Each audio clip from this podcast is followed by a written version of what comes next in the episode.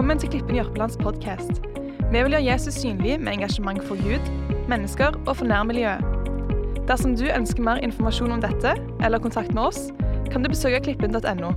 Du vil nå høre en podkast fra et av våre møter. God fornøyelse.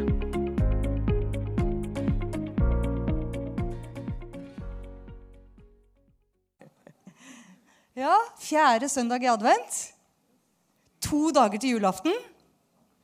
Er det mange som er spent? Ja. Nå har jo alle ungene gått ut, da, men uh, ungene de gleder seg jo. De har jo, de har jo så mye forventning.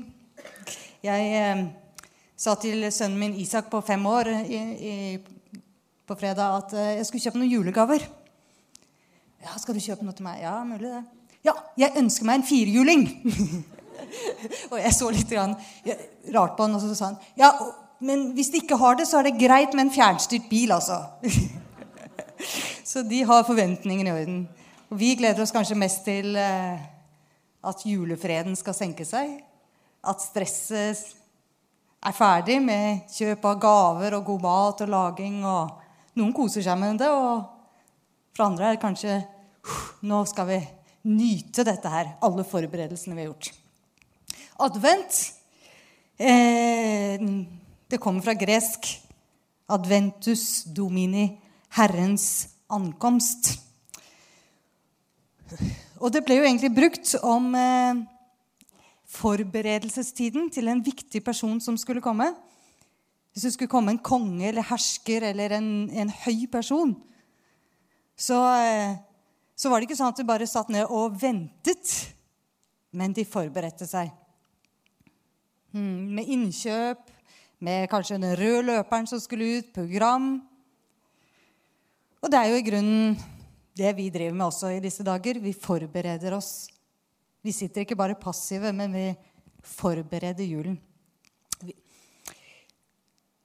I dag så tenkte jeg jeg skulle snakke litt om forventninger. Hvilke forventninger har vi til julen? Og på hvilken måte innfridde Jesus forventningene? Og hvilke implikasjoner har det for oss? Og jeg har satt meg tre f-er som sånne knagger.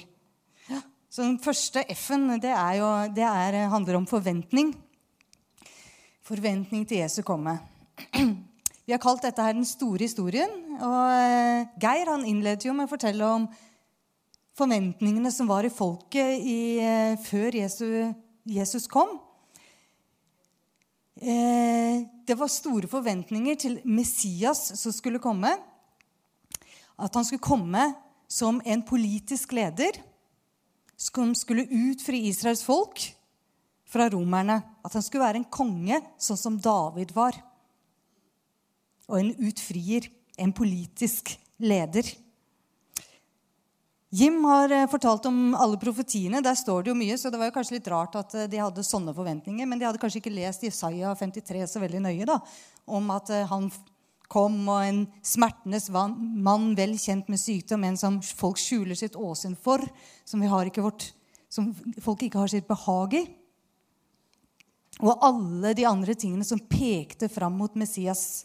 Det var mange profetier, og det var en forventning som hadde vært der, som ble mer og mer tydelig. Men det som er at eh, du har jo Det gamle testamentet hvor alle profetiene står, og så har du det nye hvor de på en måte blir oppfylt. Helt eller delvis. Men mellom Det gamle og Det nye testamentet så er det faktisk 400 år hvor vi ikke hører noen ting. Eh, de 400 stille årene, sier de. Og Da kan vi jo lure Hva slags forventninger hadde folk? Det hadde vært stille i 400 år. Og så skulle de vente og forvente Messias. Det er jo ganske Ja, det er lenge stille, for å si det sånn. Vi snakker om De ventet på at Jesus skulle komme.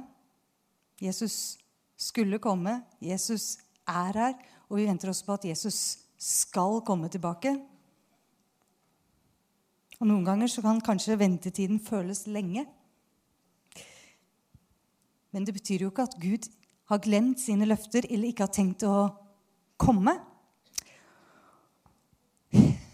Og så begynner Nye testamentet med forventninger. Zakaria var vel den første han presten som gikk inn, som var ypperste prest det året, som gikk inn bak forhenget der hvor prestene, én prest, én ypperste prest, bare får lov til å gå inn én gang i året. Han gikk inn for å ofre syndoffer til forsoning for folket. Men han kom ikke ut igjen. Han ble bare værende der. Og folket begynte å lure. Hva er skjedd? Hva er det som skjer? Nå gjør Gud et eller annet her.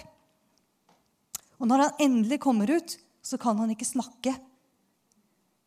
Og de gir han noe å skrive på, og så skriver han Vi skal få en sønn. Elisabeth skal få en sønn. Min kone, som er gammel, altfor gammel til å få en, få en sønn, skal få en sønn.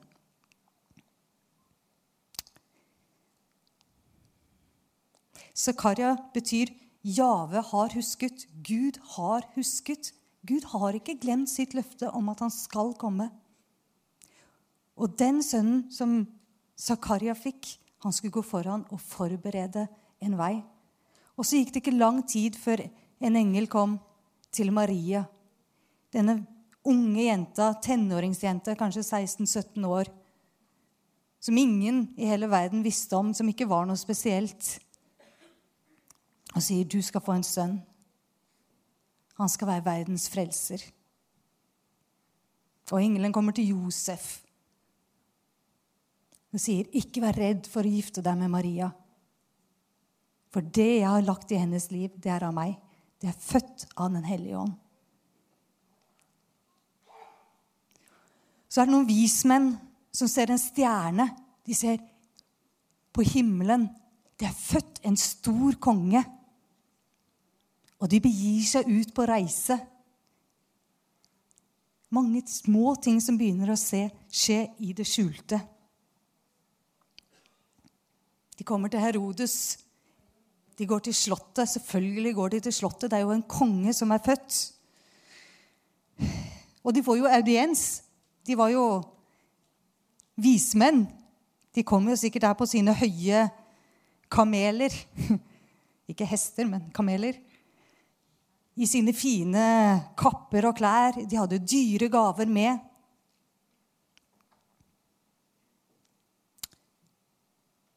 Herodes, hva gjorde han når han hørte at det begynte å skje noen ting?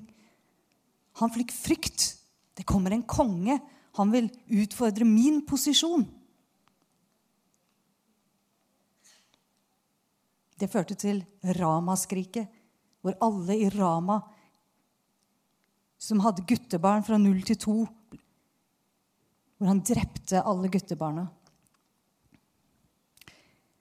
Det var mange forventninger, forskjellige forventninger før Jesus skulle komme.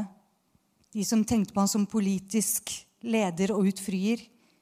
De som fryktet han som en konge. De som forventet han som frelser. Og hva skjedde da Jesus kom? Han kom, men ikke som folk flest forventet. Og Vi har jo hørt dette juleevangeliet så mange ganger at eh, det lett kan miste sin kraft. At vi på en måte Vi er så vant til dette idylliske bildet med en fin krybbe med en høy oppi og lille barnet. og Vi så det på Holmen. og, og det var liksom Wow, så vakkert, det lille Gabriel, eller det var uh, lille Jesusbarnet da, som lå der. Og sauene som sto rundt med sine store hoder. Og et idyllisk bilde. Men det var ikke det glansbildet som, som vi ofte ser, med en pen og ryddig stall. Og en mor med glorie og far som sto der fint ved siden av. Det var ekte. Det var dritt og lort. Det var et matfat. Mannen min er fra gård, og hver gang vi kjører inn på gården på Finnøy, så, så har jeg ei lita jente på to år. Hun bare bæ, bæ, bæ! Og så er det ikke inn til bestemor og bestefar. Det er rett opp på låven å gå i disse her skitne mellom sauene og lammene og kalvene. Og, det er jo alltid sånn at eh, du må vaske alle klærne når du kommer hjem. Du må vaske skoene. Ikke sant? For det er dritt og lort. Og jeg tror ikke stallen var så veldig mye bedre på Jesu tid. Jeg sa i går at eh, de fleste hadde stall i grotter. Så det var sikkert både kaldt og ekkelt. Jeg eh, Hvor mange ville født på en sånn plass? I hvert fall ikke jeg. Jeg har, jeg har tilnærmet sovet i en stall en gang. Jeg, jeg, var, jeg har jo vært misjonær i Nepal. Og i Nepal så er det faktisk en del kvinner som føder i stall fordi man regner at det er ureint å føde. Heldigvis begynner det å gå over, den skikken. Men eh, vi var i hvert fall i en eh, familie en gang og fikk bo i en sånn der, jordhytte der langt ut fra allfarsvei. Og de hadde ikke fjøs, så der var kua inne i stua. Kjøkkenet var i den ene enden, og kua var i den andre enden. Og vi lå midt imellom og sov. Og Jeg husker jeg lå der og sov, og så plutselig våknet jeg på natten, og så gjorde jeg sånn, så kjente jeg her står den noe. Det er den der kua som har som har kommet seg løs. Og jeg kjente jeg ble helt så stiv av skrekk. Jeg tenkte nå tråkker den på meg. Men så fant jeg ut at det var hun, min, min nepalske venninne som hadde vært oppe på do. Så hun sto der. Så det var bare hennes bein. Heldigvis, da. Men det, liksom, det er liksom det nærmeste jeg har vært å sove i en stall. da. Med den kua der. Men Jesus, han ble født i en stall. Og var det tilfeldig? Var det liksom tilfeldig at det kom en folketelling, og de måtte dra på en lang reise, en lang, slitsom reise? Var det tilfeldig at det var, ikke var rom igjen i herberget? At de kom for seint til å finne rom? Nei, selvfølgelig var det ikke det. Det var jo ikke tilfeldig at Gud valgte det sånn. At Gud valgte det nederste av det nedne, det skitneste, det laveste, når han skulle introdusere sin kongenes konge og herrenes herre. Og hvorfor gjorde han det da, da? Kan vi si. Ja, hvem var de første som fikk møte Jesus? Det var jo gjeterne. De var jo de laveste i samfunnet. De hadde aldri fått kommet inn på et slott. De hadde aldri fått audiens hos Herodes. Men å gå inn i en stall, det var ikke noe terskel for dem. Det var lett. Det kunne de, de kunne gå inn der se Frelseren for alle mennesker, for alle folkeslag. Og Sånn åpnet Jesus en vei for alle mennesker. Det skal ikke være noe terskel å komme til Jesus. Det skal ikke være for vanskelig. Han har gjort seg så lav at alle kan komme. Alle som vil, kan gå inn i stallen. Eller gå og møte Jesus. Samtidig så tror jeg at det er mer bak det enn at Jesus bøyde seg ned. Og det handler om at eh, Jesus er et forbilde for oss. Slik som han er, slik er også vi i denne verden, sier Bibelen. Han valgte å fornedre seg selv. Der har du F nummer to. F nummer én var forventning. F nummer to fornedre. Og det, kanskje, det høres litt sånn der, litt negativt ut. Vi, kan, vi, snakker om at vi opphøyer. Det er liksom det positive. Men fornedre. Jeg har lyst til å lese fra at vi skal lese sammen fra Filipperne 2.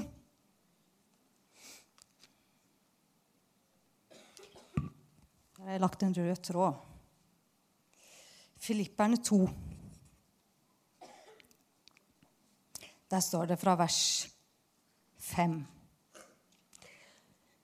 La dette sinn være i dere som også var i Kristus Jesus.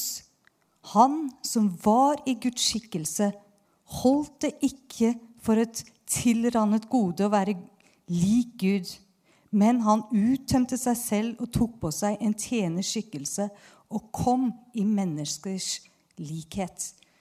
I min eh, bibel, holdt jeg på å si, 88-oversettelsen står det han som var i Guds skikkelse, holdt ikke for et røvet bytte å være Gud lik, men ga avkall på det da han kom i menneskers lignelse, og da han i sin ferd var funnet som et menneske, fornedret han seg selv og ble lydig til døden, ja, døden på korset. Jesus fornedret seg da han ble født i en stall. Livet hans gikk gjennom mange fornedrelser. Masse motstand, vantro. Og han endte med en fornedrelse. Døden og ikke bare døden, hvilken som helst død, men den verste og mest fornedrende døden. Døden på korset. Og så sier Jesus, 'La dette sinn være i dere', som også var i Kristus Jesus. Han som fornedret seg selv. Hva handler det om? At vi ikke skal være noen ting, eller at vi ikke klarer noen ting, eller at vi skal på en måte tåle hva som helst, eller Jeg tenker fornedrelse, det som Jesus gjorde. Han bøyde seg ned. Han, han var ydmyk. Det handler om ydmykelsens vei. At vi innenfor Gud sier at det, det jeg har, det jeg til Gud, det jeg har, det er fra Gud. I meg selv så er jeg ingenting. Paulus, han hadde forstått dette. Paulus, han hadde masse å skryte av. Hvis vi blar om på neste side for dere som har bibler, i kapittel 3 i Filippibrevet, så kan vi lese fra vers 4 om skrytelista til Paulus. Han sier 4b. Hvis noen andre mener de kan sette sin lit til det de er som mennesker, kan jeg det enda mer.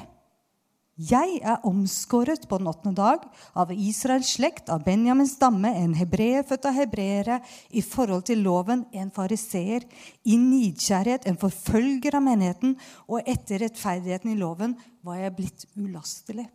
Tenk å kunne si det. Jeg fulgte loven, og jeg var blitt ulastelig. Det var noe å skryte av. Men hva sier han videre? Men alt det som var en vinning for meg, det regner jeg som tap for Kristers skyld. Ja, så visst regner jeg alt som tap sammenlignet med det som er så mye mer verdt, kunnskapen om Kristus Jesus, min Herre. På grunn av ham har jeg litt tap av alt, og jeg regner det som søppel for at jeg kan vinne Kristus. He, hele utdannelsen, alt det han hadde å skryte av Søppel, sier han. For at jeg kan vinne Kristus og bli funnet i ham, ikke med min egen rettferdighet, den som er av loven, men med den som blir gitt ved troen på Kristus Rettferdigheten som er av Gud pga. troen, for at Og så sier han tre ting.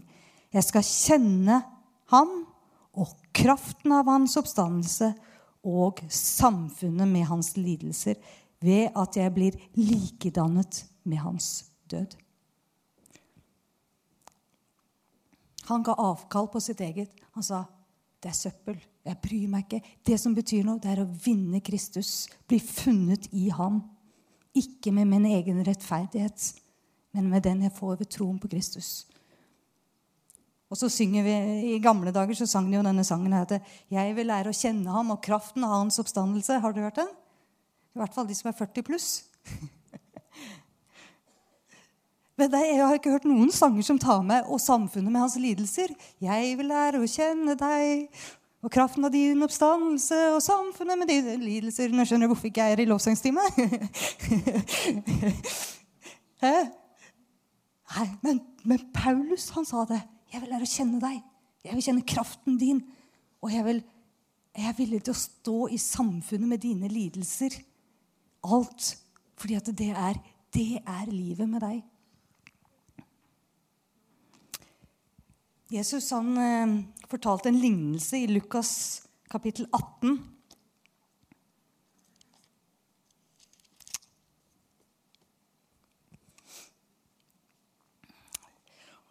Om en fariseer og en toller. to mennesker som gikk opp til tempelet for å be. Lukas 18, vers 10. Den ene var fariseer, og den andre en toller. Fariseeren sto for seg selv og bar slik. Gud, jeg takker deg for at jeg ikke er som andre mennesker, tyver, urettferdige ekteskapsbrytere, eller som denne tolleren. Jeg faster to ganger i uken. Jeg gir tiende av alt jeg eier. Men tolleren sto langt borte. Han ville ikke engang løfte øynene sine mot himmelen, men slo seg for brystet og sa, Gud, vær meg synder nådig. Hvordan gikk det med disse to? Jesus sier, denne mannen gikk rettferdiggjort hjem til sitt hus, den andre ikke. For hver den som opphøyer seg selv, skal bli fornedret. Og den som fornedrer seg selv, skal bli opphøyet. Fornedrelse. Jesus jo, setter jo ting på spissen her. ikke sant? Hvem er det som går inn og, og ber sånn som det der? Eh, det har i hvert fall aldri jeg hørt noen, og jeg har heldigvis aldri bedt sånn som han fariseeren gjorde, jeg heller. At takk Gud for hvor god jeg er, og at jeg ikke er som alle andre. Men samtidig så tenker jeg Hvordan tenker vi?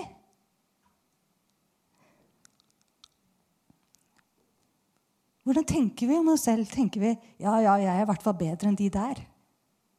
Jeg fikser i hvert fall dette her.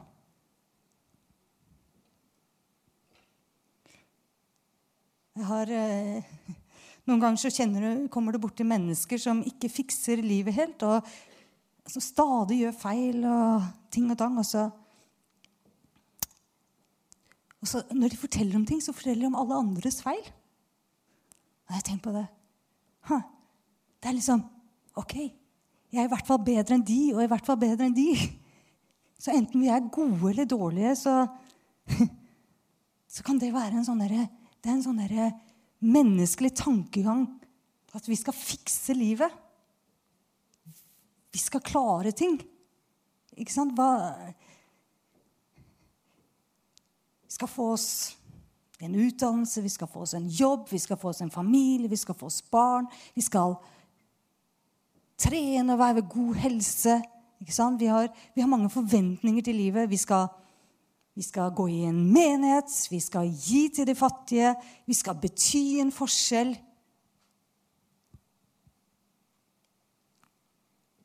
Og mye av dette er, er bra og riktig. Det, det, er ikke det, men, det er, men, men hvordan ser vi på oss selv? Hva er det vi setter vårt lit til? Er det det vi får til i våre liv? Eller er det det Jesus har gjort for oss?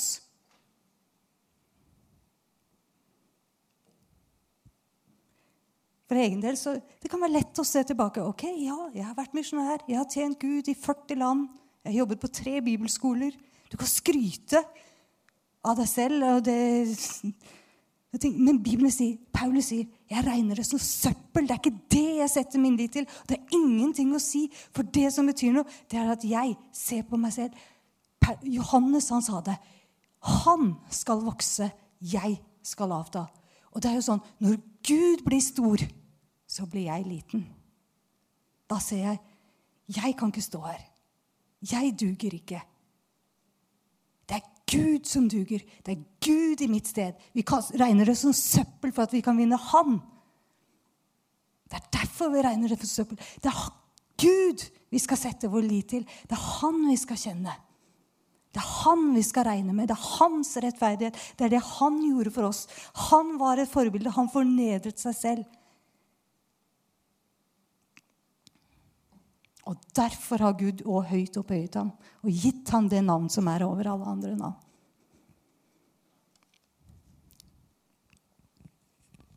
Hva handler det egentlig om? Det handler om å gjøre seg avhengig av Gud. Tenk når Jesus kom som et lite barn. Han var totalt avhengig av mennesker. Han var totalt sårbar. Hvis ikke Maria og Josef hadde satt godt vare på ham, så hadde han dødd. Ja, han gjorde seg avhengig av de rundt seg. av Gud. Det er det vi også skal.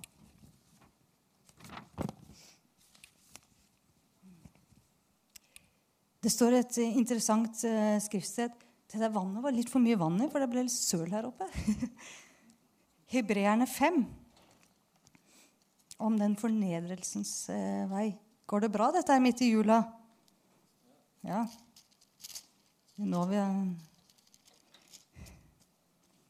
Så står det om Jesus, hebreerne 5, 8. Og selv om han var sønn, lærte han lydighet ved det han led. Så til og med Jesus, han lærte lydighet. Og vi, jeg vet ikke hvordan det er hjemme hos dere, men eh, hos oss når vi ber sammen, så er det ofte det går litt i denne tralten her. Ja, takk Gud for en fin dag. Takk Gud for uka som ligger foran, og vi ber at du skal være med på det og det og velsigne det og det. Er, det velkjent? Ja, Og så husk på den som er syk, ja. Eh, ikke sant? Sånn ber vi ofte. Velsign oss i det vi står i. Så er jo spørsmålet Hva er Guds vei for oss? Hva er Guds vei for oss? Hva sender Gud i vår, vår vei? Hva, hva, er det Hva er det Gud ønsker av oss? Ja, Gud han ønsker å velsigne oss. Det gjør han. Han ønsker å velsigne det vi står i. Ja, Jesus han døde for, for våre synder, og han døde for våre sykdommer. Og det står mange gode løfter i, i Bibelen om, om, det Gud vil for oss. Framtid og håp, ikke ulykkestanker. Men samtidig, hva er viktigst for Gud? Vi snakker om forventninger til Gud. Ja, vi forventer at han velsigner oss, vi forventer at han beskytter oss. Vi forventer at han gir oss en familie. Vi forventer legedom, forsørgelse. Ikke sant? Hva forventer Gud av oss? Hva er det Gud først og fremst ønsker av oss? Gud han ønsker fellesskap. F nummer tre fellesskap. Fellesskap. Gud har skapt oss til fellesskap.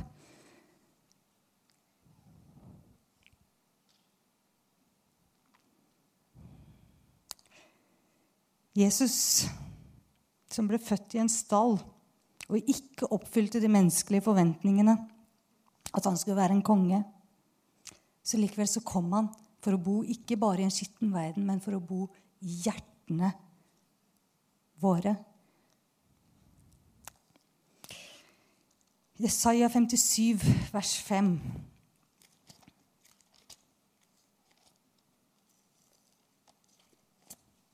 Her har jeg ingen rød tråd. Men jeg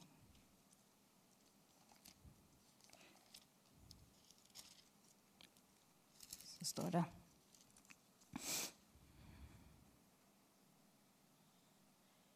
Nei, det var feil. Men det står i hvert fall Det var det eneste verset jeg ikke hadde slått opp. 15. Jeg har glemt et ett-tall. Ja. For så sier den høye opphøyde, han som troner for evig, han som har navnet hellig.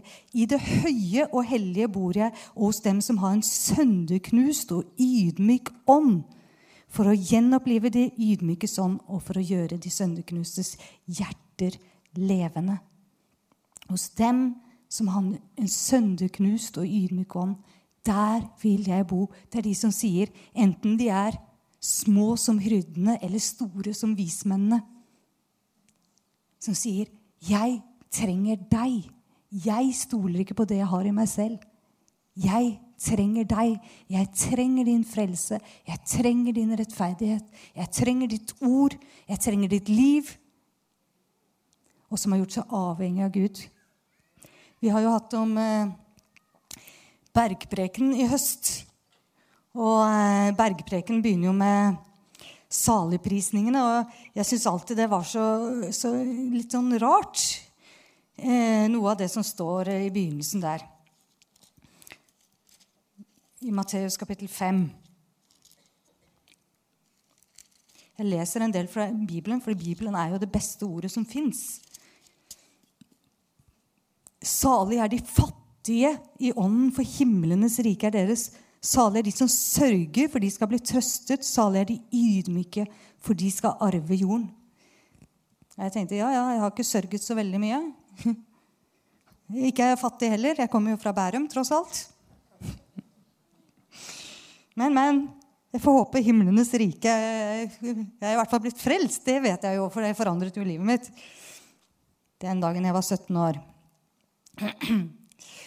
Men eh, det handler jo ikke om å være fattig i den forstand at vi ikke har penger og det vi trenger. Det handler jo om å være fattig i seg selv og vite at det, jeg skal avta, han skal vokse. Det er ikke det jeg har i meg selv, det er det han har. Det handler om sørge. Det er ikke bare at man har mistet noe man er glad i, eller sørge på den måten, men det er yes, sorg etter Guds hjerte virker omvendelse til frelse som ingen angrer, står det i Bibelen. Sorg etter hjertet, Guds hjerte. I det ligger en omvendelse. Jeg sørger over det jeg ikke får til. Jeg sørger over det jeg ikke strekker til med. Jeg sørger over at jeg ikke søker Gud sånn som han vil. Vi leste historien om eh, han tolleren som sa 'Vær meg synder nådig'. Jeg leste i studiebibelen her, så står det at det, det står egentlig synderen, den som er mer enn noen andre har syndet. Og det er ikke sikkert han hadde mer enn noen andre syndet. Men Paulus han sa det samme. Han sa at 'jeg er den største synderen'. 'Jeg er ikke engang verdig å kalles en apostel' enda han samtidig hadde sagt, som vi leste i stad, etter loven uten lyte. Men han så på seg selv, han fornedret seg selv. Og sånn er det når Gud blir stor, så blir vi små. Og det er fornedrelsens vei.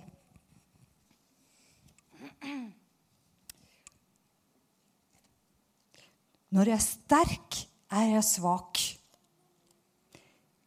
Skal du være en leder, skal du være de andres tjener. Jeg gir opp mitt eget for å få det som er av Jesus.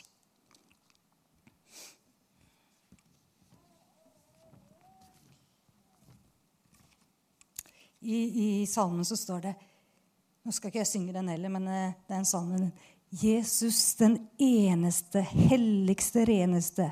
Gi meg ditt rene og hellige sinn. Lær meg å bøye meg Lær meg å føye meg etter din vilje, mens her jeg er gjest.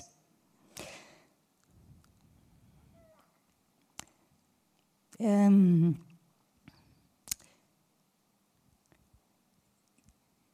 vi Mange ganger er det så lett å gjøre ting for Gud. Stå og tale, lede lovsang, styre teknikk, stå på kjøkkenet, ha søndagsskolen.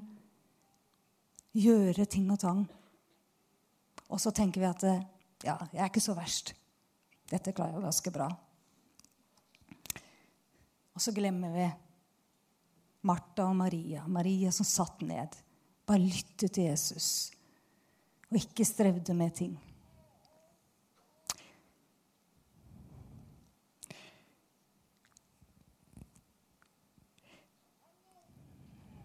Det er bare én vei å gå hvis vi skal slippe Gud til. Og det er ydmykelsens vei, fornedrelsens vei. Jeg trenger deg, Gud. Jeg trenger å bli kjent med deg på dypet. Jeg klarer meg ikke uten deg. Ditt ord er en lykt for min fot og et lys på min sti. Jeg vil følge deg, Jesus. Jeg vil at det sinnet som var i deg, skal være i meg. Jeg vil søke deg. Jeg vil søke ditt ansikt ikke bare dine hender.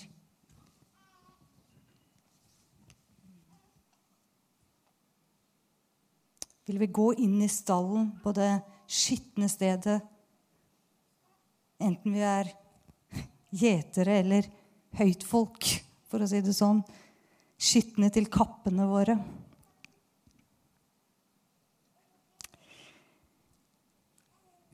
Det var noen flere som ventet på Jesus. Det var Anna og Simeon De levde nær til Gud. De hadde gitt sitt liv til å leve i bønn og faste. Anna var alltid i tempelet, står det. Og Simeon, han var Han visste Han hadde fått et løfte fra Gud. Jeg skal, se, jeg skal ikke dø før jeg ser din frelse. Og en dag så kjenner han nå må du gå til tempelet. Skynd deg av gårde. Og han går til tempelet, og blant de sikkert hundrevis av mennesker som er der, så ser han en, en ung dame og en mann med et lite baby. Og så bare vet han der er frelseren. Hadde aldri sett dem før. Han går bort, og så sier han, 'Mine øyne har sett din frelse. Nå, Herre, kan du ta meg hjem i fred.' For jeg har sett Han som du har sendt som forløsning. Hva søkte han? Han levde i det fellesskapet med Gud. Han søkte, han så ansiktet til Jesus. Han så ansiktet, og så var han fornøyd.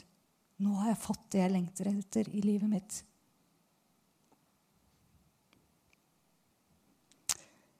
Og Sånn tenker jeg. Vi kan søke mange ting. Det skal være fint og flott. Og det er koselig å gjøre det fint og flott til jul. Men hva søker vi egentlig? Søker vi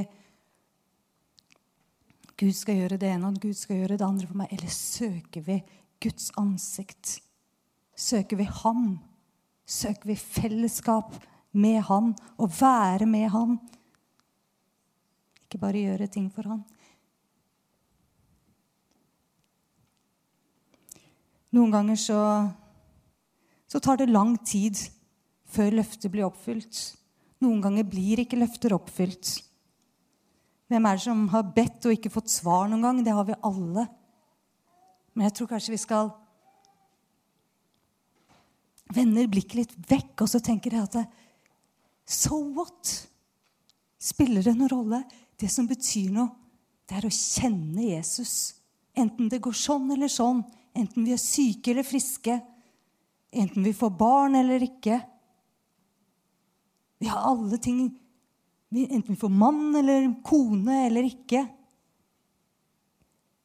Jeg vil søke Jesus. Jeg, har ventet på mange ting i mitt liv. Hele mitt liv er venting. Nei, nei, nei. nei. Det, det, det, er det ikke. Det var feil.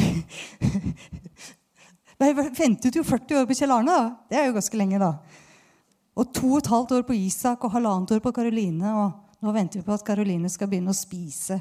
Og det, det, ventet fem år på å komme til Nepal og ti år på å flytte ut. Og, vent, altså, det er mange ting. Og noen ting får du, og noen ting får du ikke.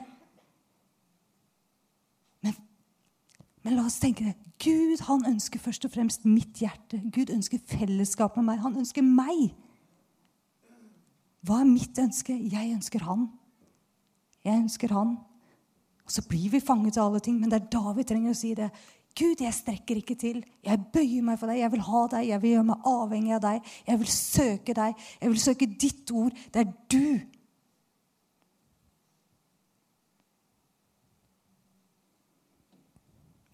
Mine øyne har sett din frelse.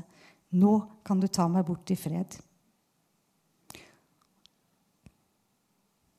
Forventninger fornedrelse, fellesskap.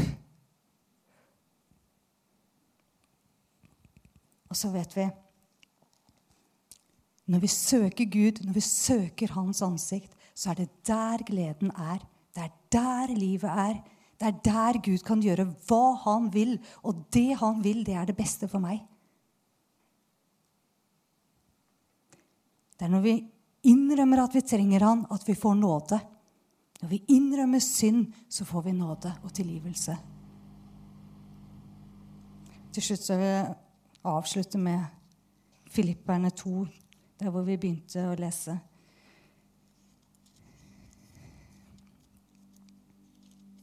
Det står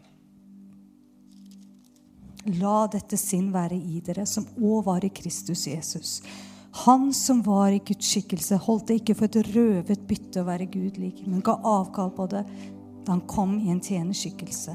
Og da han i sin ferd var funnet som et menneske, fornedret han seg selv og ble lydig til døden. Derfor har også Gud høyt opphøyet ham og gitt ham navnet som er over alle andre navn for at Jesu navn skal hvert kne bøye seg, dere som er i den himmelske verden, og dere som er på jorden, og dere som er under jorden. Og for at hver tunge skal bekjenne at Jesus Kristus er Herre, til Gud Faders ære. Den som forneder seg selv, blir opphøyet. Gud tar et sønderknust hjerte. Det vil han aldri forkaste. De som bøyer seg og sier 'Jeg trenger deg, Gud', de løfter han opp. De løfter han opp sånn som han vil. Takk, Jesus, for at du kom til jorden, for at du valgte å gå den veien du gikk, Herre. At du ble et forbilde for oss, Herre. Må du hjelpe oss, Herre, å leve sammen med deg, Herre, og gå den veien du vil. Gjøre oss avhengig av deg, Herre. Ikke søke alle tingene, men søke først deg og ditt rike, Herre. Så får det andre komme i tillegg, Herre. Takk, Herre, for at din kraft fullendes i vår skrøpelighet, Herre. Mm, Jesus.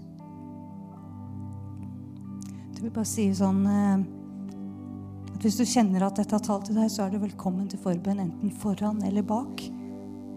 Hvis du eh, ikke kjenner Jesus, har lyst til å bli kjent med denne Jesus, så kan du også komme enten foran eller bak. Så vil det være forbedre å be.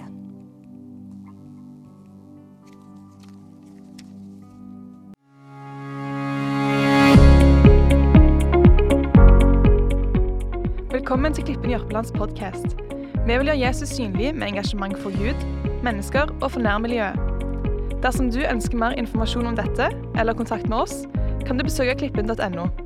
Du vil nå høre en podkast fra et av våre møter. God fornøyelse.